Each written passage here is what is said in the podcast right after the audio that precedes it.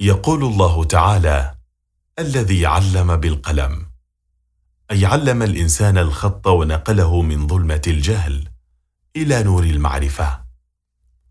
القلم أداة زهيدة الثمن لكنها ذات قيمة فكرية عالية.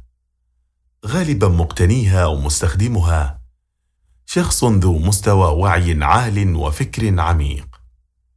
يعتقد البعض أن الكتابة محصورة على الكتاب والأدباء أو أن استخدام القلم ليس بالضرورة إلا في حالات العمل والدراسة إلا أن الكتابة تجعل الشخص يتعرف على الجانب الآخر من نفسه. تجعلك تغوص في أعماق نفسك تبحث في داخلك تحاور وتناقش عقلك توضب فوضاك الداخلية. وترابط أفكارك المشتتة. يقول الفيلسوف الأمريكي رالف إمرسون نحن سجناء أفكارنا. فعندما يصبح الإنسان سجين أفكاره يشعر أنه محاصر بشكل ضيق. تنجذب حوله الطاقة السلبية. وقد يقوده ذلك إلى صراع قوي مع ذاته والوصول لمرحلة التعالج النفسي. خصوصا إذا كان ممن يكتم داخله وليست لديه فكرة حول كيفية طرد السلبية التي تحيطه. فالكتابة وسيلة للتشافي لأنها تستحضر الجانب النفسي والبدني. وأغلب الاستشاريين النفسيين ينصحون مرضاهم بالكتابة والتعبير عما بداخلهم دون الحاجة للكتابة بطريقة منمقة. وإنما كتابة ما يشعرون به فقط. الكتابة وسيلة لترجمة المشاعر والتحاور مع الذات وتساعد على تحسين المستوى النفسي والعملي. فعندما يكتب الشخص أفكاره ومهامه فإنه يصبح أكثر تنظيما وأكثر دقة وأكثر تركيزا على هدفه وأكثر إنتاجية. يقول الكاتب براين ترايسي في كتابه فلسفة تحقيق الأهداف بالقلم والورقة يبدأ كل شيء. جميعنا نعرف سلسلة رواية هاري بوتر الشهيرة. ولكن ما لا يعرفه البعض أن كاتبة هذه الرواية الإنجليزية جوان رولينج حاربت جميع صعوبات حياتها بالكتابة. فكانت جوان منذ صغرها تحب الكتابة ولكنها كانت مجرد هواية بالنسبة لها ولم تسخر وقتها لتطويرها. درست جوان اللغة الفرنسية. وعملت باحثة وسكرتيرة بعد تخرجها وبعد فترة فجعت جوان بموت والدتها وعاشت حالة من الإحباط والعزلة. فأرادت الخروج من هذه الحالة فبدأت بكتابة الرواية. وبعد فترة عانت من العنف والمشاكل الزوجية ففضلت الطلاق. بعدها أصيبت بالاكتئاب وفكرت بالانتحار.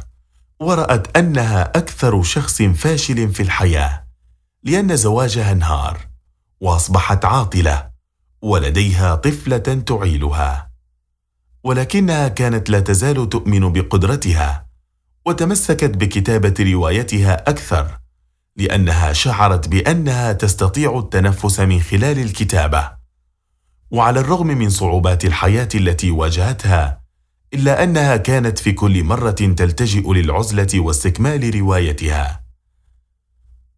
وفي عام 1995 انتهت جوان من كتابة الجزء الأول من الرواية وبدأت بعرضها على دور النشر ولكنها قوبلت بالرفض من 12 دار نشر لكنها لم تيأس وأصرت على نشرها. وبعد عام كامل جاءتها الموافقة من دار نشر مقابل ثمن زهيد. ويعود فضل الموافقة لابنة مدير دار النشر ذات الثمان سنوات التي أعجبت بالرواية وطلبت من والدها الجزء الثاني على الفور. ووافقت الدار على نشر الرواية بشرط ألا تكتب اسمها لأنها شخصية غير معروفة. فوافقت وتم طبع النسخة الأولى من الرواية ووزعت في المكتبات. وبعد خمسة أشهر. فازت الرواية بعدة جوائز. وبعد عام عقد مزاد علني للحصول على حقوق نشر الرواية.